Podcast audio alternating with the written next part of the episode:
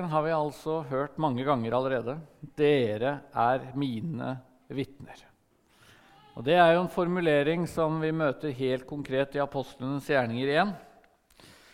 Eh, men det er ikke der jeg har tenkt å eh, ta utgangspunkt. Eh, det var også tema fredag. Noen av dere var helt sikkert her da. Og Da snakket jeg litt ut ifra 1. Peters brev og kapittel 2 om hva det vil si å være en del av en kristen menighet. Å være et vitne. Være med å vitne om Guds storhet, som det står der. Så I dag skal vi rette blikket litt lenger ut og snakke om eh, den store vitnetjenesten. Og Jeg har tenkt at denne formiddagen så er det en tekst fra Romerbrevet 15 som blir min tekst og grunnlaget for, for temaet. Jeg tror vi ber kort sammen før vi leser den. Kjære Herre, vi ber deg velsigne barna som er på søndagsskole. Vi ber om at du åpner ditt ord for dem.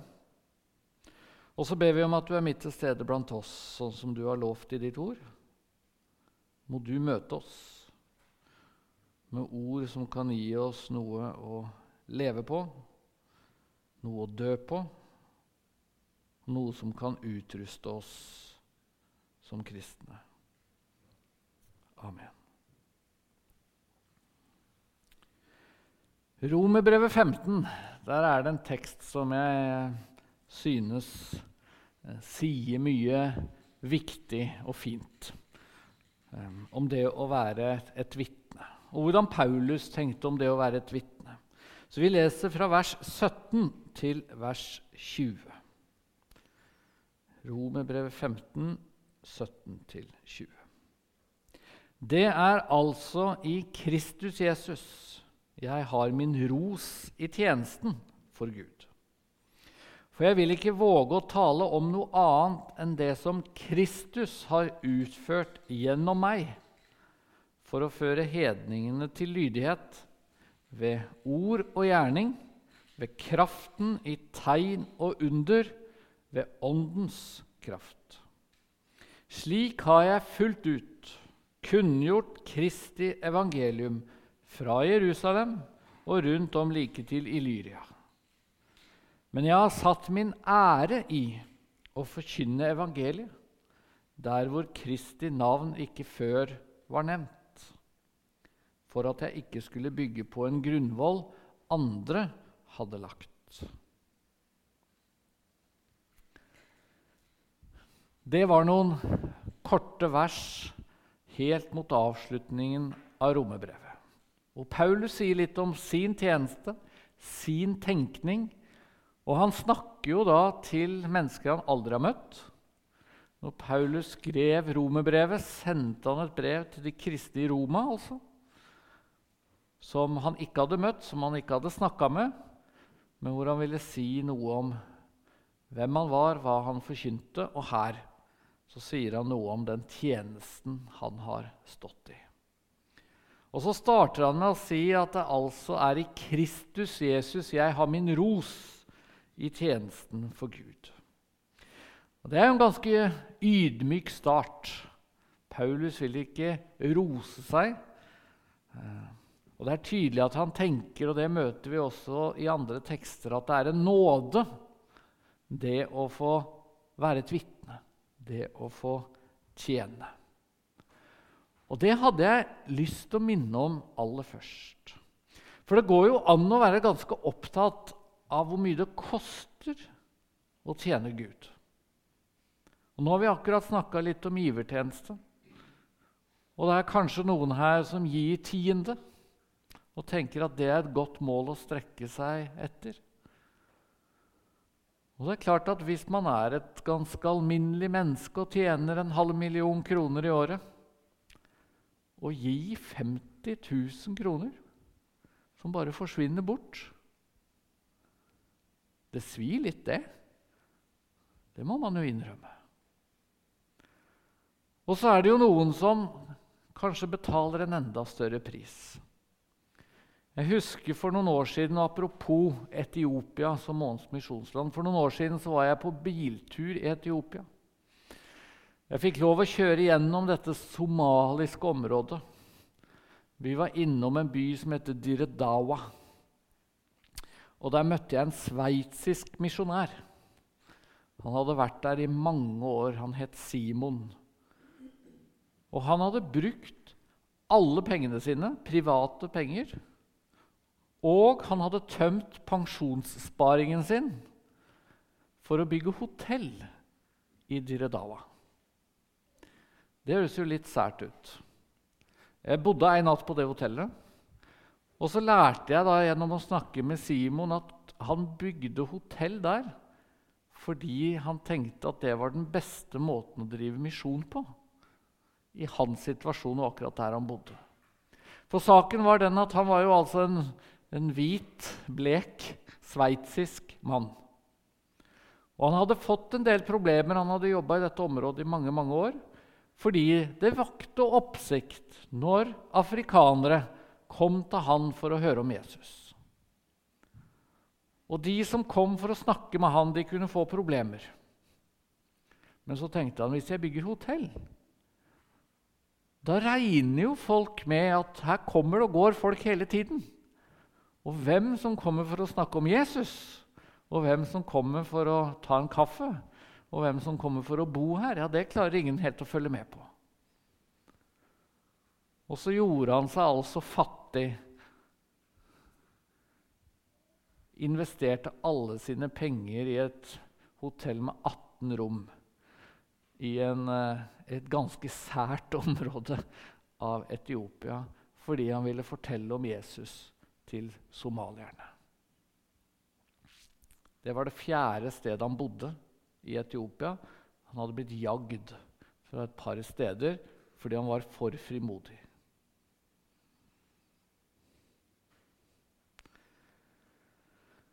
Vi kan være opptatt av at det koster. Men Paulus er altså opptatt av at det er en nåde å få lov å tjene.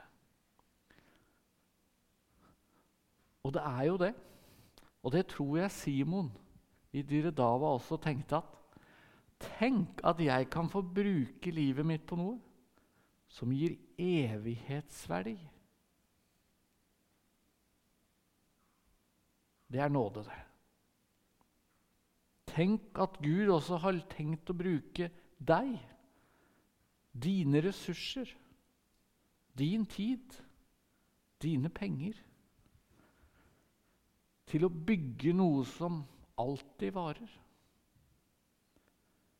Hvis du får være med på at et menneske blir evig frelst, så bygger du noe som alltid står der. For noen år siden bygde vi hus i Spydeberg i Østfold. Det ble bygd på sandgrunn, er jeg redd for. Eller i hvert fall på leire. Men det er nå så. Jeg syns det ble et fint hus. Jeg hadde flinke snekkere og elektrikere og rørleggere. Jeg var mye der borte i de månedene det ble bygd. Og så flytta vi inn i huset. Alt var nytt, alt var fint. Og så hadde vi med oss en katt. Og så gikk det to måneder, og så begynte jeg å se liksom sånne striper i tapeten i stua, hvor katten hadde liksom klora ned. Og så solgte vi det huset for et års tid siden. Og det første de nye eierne gjorde, det var å ta av hele gulvet, all tapeten, full renovering. Sånn er det med det vi bygger her i verden. Det tærer, det går i stykker, det blir flekkete, det blir etter hvert gammelt. Men når du er med å bygge i Guds rike, da bygger du noe for evigheten noe som varer.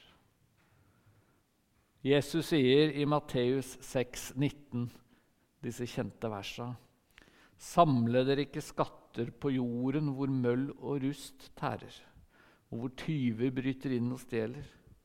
Men samle dere skatter i himmelen, der verken møll eller rust tærer og tyver ikke bryter inn og stjeler. Å være et vitne for Jesus på et eller annet vis, og vi kan være det på ulikt vis, det er å samle seg skatter i himmelen. Skatter som varer. Det er nåde å få være med på det. Og så sier Paulus videre i denne teksten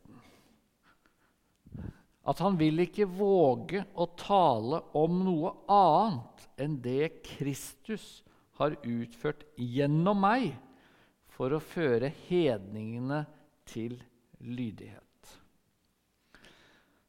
Det er en flott formulering. Vil ikke snakke om noe annet enn det Kristus har gjort gjennom meg for å føre mennesker til frelse, til tro. Og jeg tenker Det er en sånn formulering som får oss til å senke skuldrene litt når vi ønsker å være Jesu vitner. For det vi skal snakke om, og det vi er opptatt av, det er egentlig ikke hva vi gjør, hva vi får til, men det Kristus gjør gjennom oss. Og Det betyr jo også at vi kan på en måte overlate ansvaret for resultatet til Gud. Vi skal være vitner. Vi skal peke på Han. Men eh, skal det skje noe, skal det bli en åndelig frukt, skal mennesket bli frelst når du sier noe, når jeg sier noe, ja, da er det fordi Gud griper inn. Fordi Kristus virker gjennom oss. Og Det er godt å ta med seg det perspektivet når vi skal se på resultatene av det vi gjør. Når vi skal prøve å tenke om vi virkelig har samla oss skatter i himmelen, så kan man jo bli litt mismodig av og til. Og tenke hvor stor forskjell gjør det egentlig? Og så er det godt å vite at det kan vi faktisk overlate til Gud. Det vi skal snakke om, det er det Gud gjør, ikke det vi gjør. Og Du var inne på det, Terje, når du snakker om dette uttrykket å være vitne. Jeg òg syns det er noe fantastisk flott at det å være et vitne, da er du ikke hovedperson.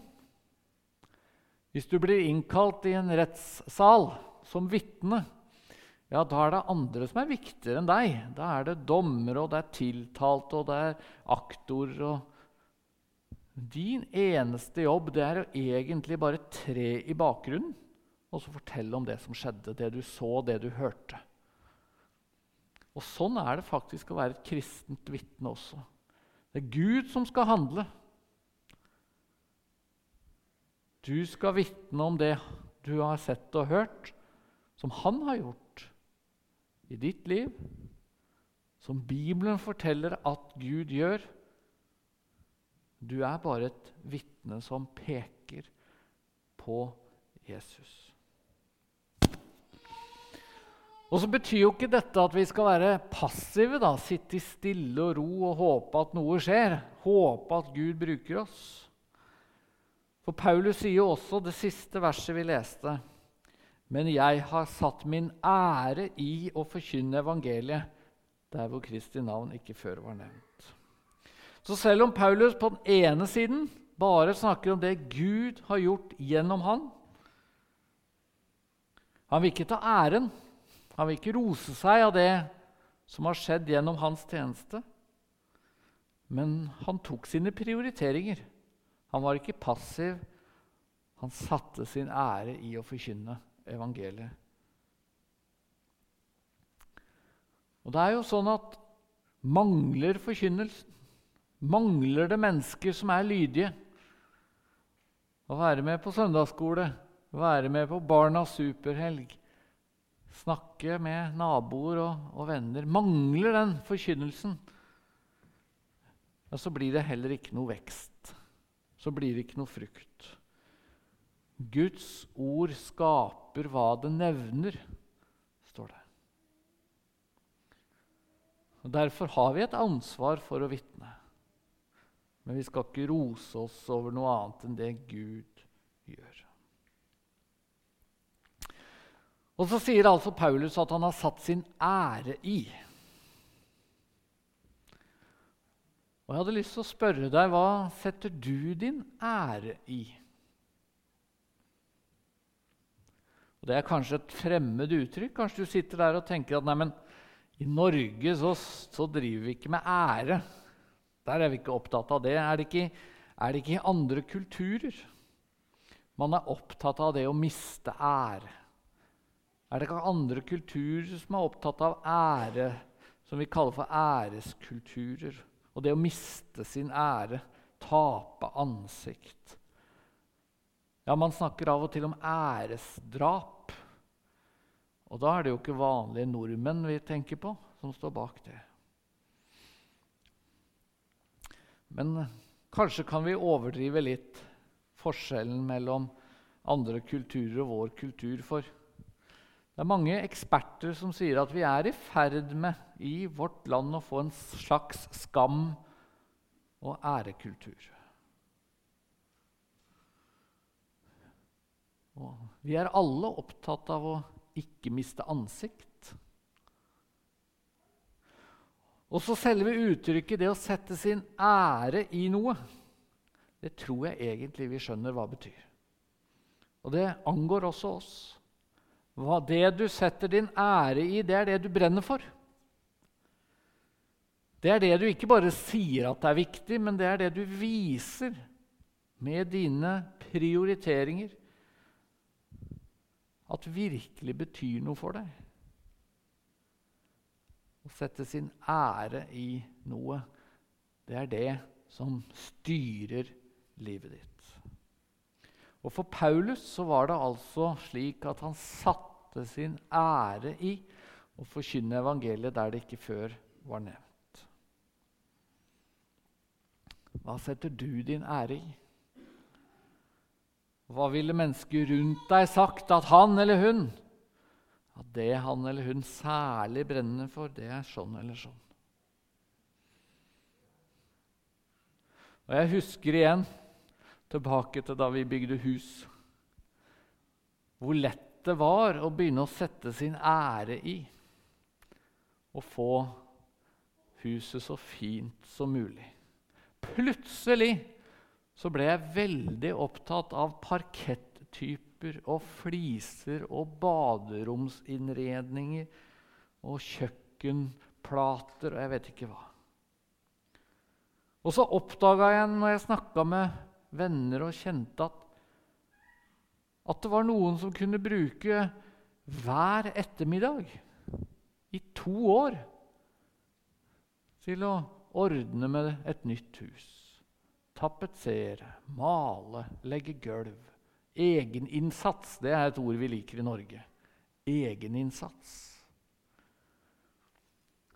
Og så ble det tankevekkende for meg at, at noen av de som kunne si at nei, de hadde ikke tid til å være med på barnelaget hver 14. dag. Når de bygde hus, så hadde de tid hver ettermiddag i et par år. Hva setter du din ære i? Hva går foran det meste? Og Jeg tror vi alle tenker på et eller annet som, som kanskje ikke har så mye med Jesus å gjøre. Jeg har en sønn som drev med løping i mange år. Han satte sin ære i å løpe fort. Og da trente han to ganger om dagen hver dag i fem år. Når det var julaften, måtte han løpe litt på formiddagen. Når det var første juledag, så måtte han løpe litt på ettermiddagen. Når det var 17. mai, så kunne han sette vekkerklokka på litt tidlig, så han rakk en liten løpetur. Hva setter du din ære i? Hva betyr jobben for deg? Hvor mye ære legger du i den? Hus, hytte, ferie.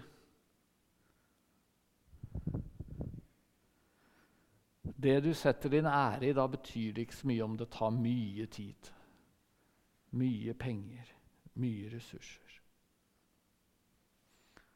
Og så møter ordet i teksten oss med det kallet Sett din ære i å være et vitne.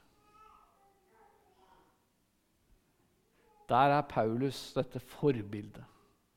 Jeg har satt min ære i å forkynne evangeliet der hvor Jesu navn ikke har vært nevnt før. Og så har jeg lyst til å lese en tekst til fra 2. Korinterbrev, kapittel 6, om hvordan Paulus satte helt konkret sin ære i det å være et vitne, det å være misjonær. Og Det er litt av en tekst. Du har kanskje hørt den før, men jeg tror ikke det er en tekst vi leser veldig ofte på bedusmøter. Om det å være misjonær. Det er i hvert fall ikke en tekst jeg pleier å lese hvis det er innvielse av misjonærer. og så sier jeg at sånn er det å være misjonær, nå skal du høre. Men vi skal lese. Slik beskriver Paulus det å være misjonær i 2. Korinterbrev 6, fra vers 3, 3 til 10. Andre kor 6, 3-10. Vi vil ikke gi noe Nei, vi vil ikke gi, i noe gi mennesket grunn til anstøt for at ikke tjenesten skal kunne lastes.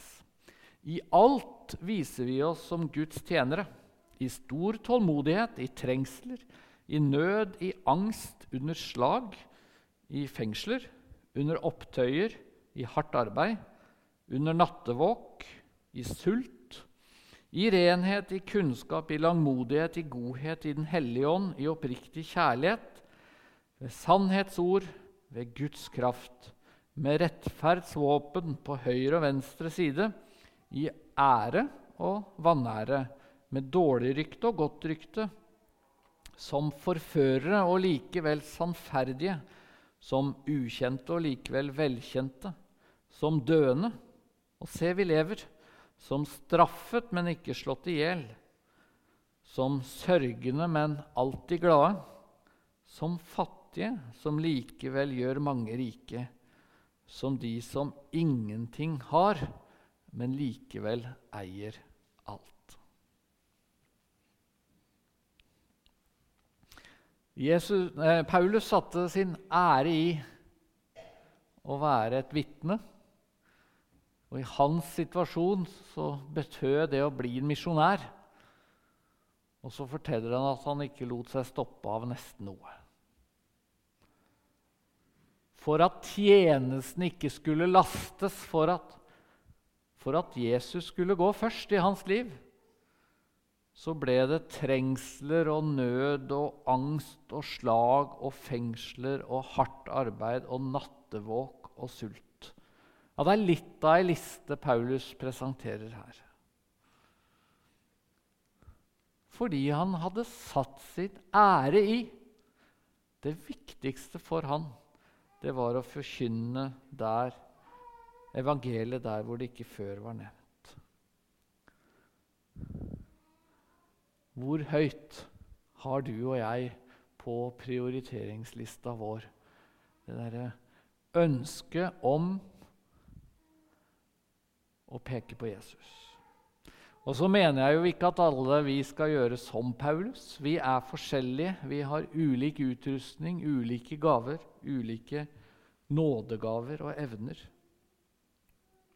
Å bygge Guds rike og være et vitne, det kan handle om hva du gjør i nabolaget ditt.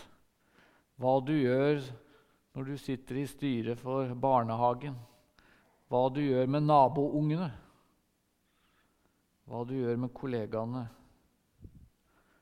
Men klarer vi å vise at det vi setter vår ære i, det er å være et Jesu vitne?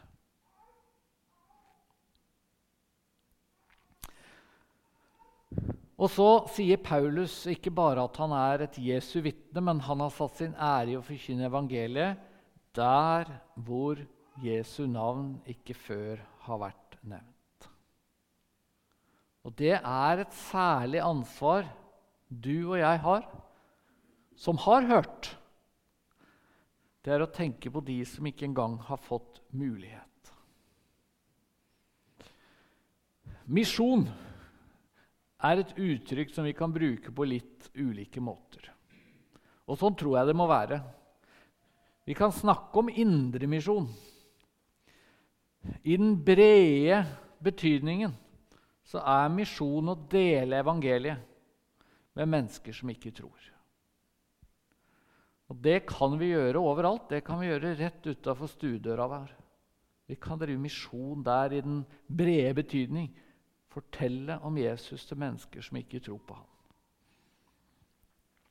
Men så fins det en smalere betydning, smalere definisjon av ordet misjon.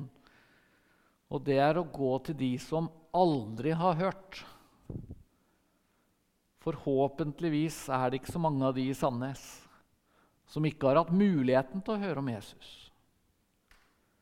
Men det fins noen millioner, ja, et par milliarder mennesker akkurat nå har aldri hatt muligheten til å høre Kristi navn nevnt.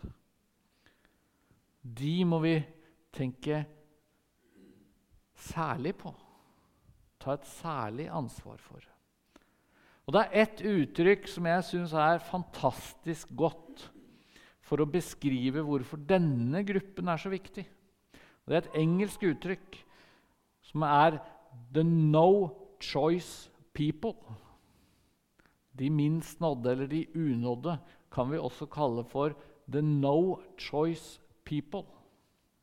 Litt vanskelig å oversette, eller det blir litt sånn daft hvis vi prøver å oversette det. 'The no choice people', altså folket som ikke kan velge. No choice. Ingen mulighet til å velge. Men er ikke det en god måte å si det på, hva misjon er? Det er å gi mennesker muligheten til å bli et Guds barn. Og det er trist og tragisk at det f.eks. i vårt nærmiljø er mange mennesker som velger bort Jesus, som sier nei til evangeliet, som ikke vil ha noe med Gud å gjøre. Det er trist, og det er tragisk, og vår oppgave er å gi de menneskene stadig en ny mulighet. Være et vitne for dem i ord og gjerning.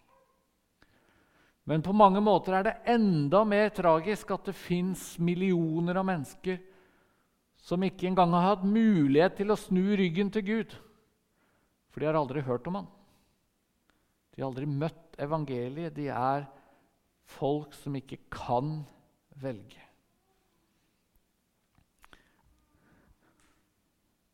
Og når Jesus sier i apostelens gjerninger 1.: Dere skal være mine vitner i Jerusalem, i Judea og like til jordens ender så er poenget at vi skal være vitner helt ut til de som aldri har hørt.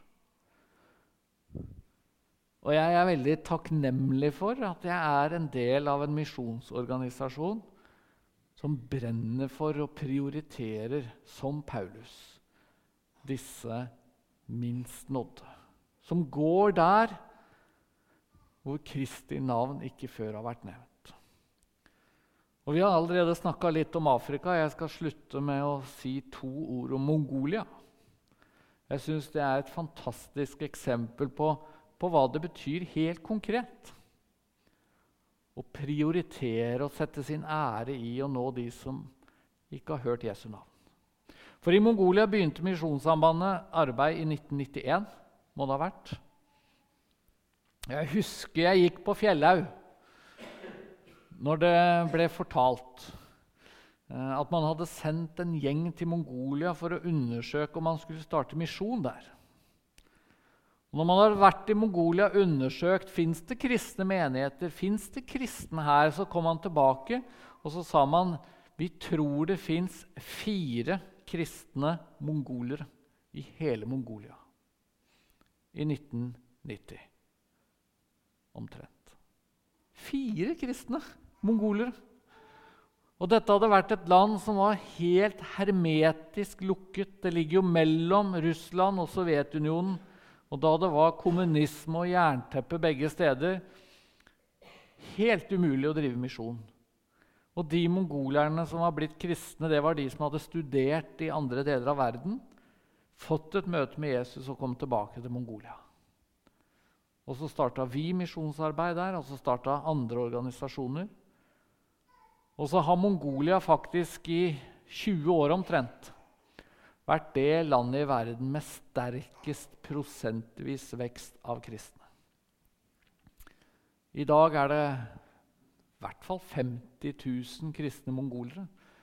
Og det er mye det i et land med tre millioner mennesker. Og mye flere sauer. Og så starta vi arbeid, bl.a. i hovedstaden Ulan Batar.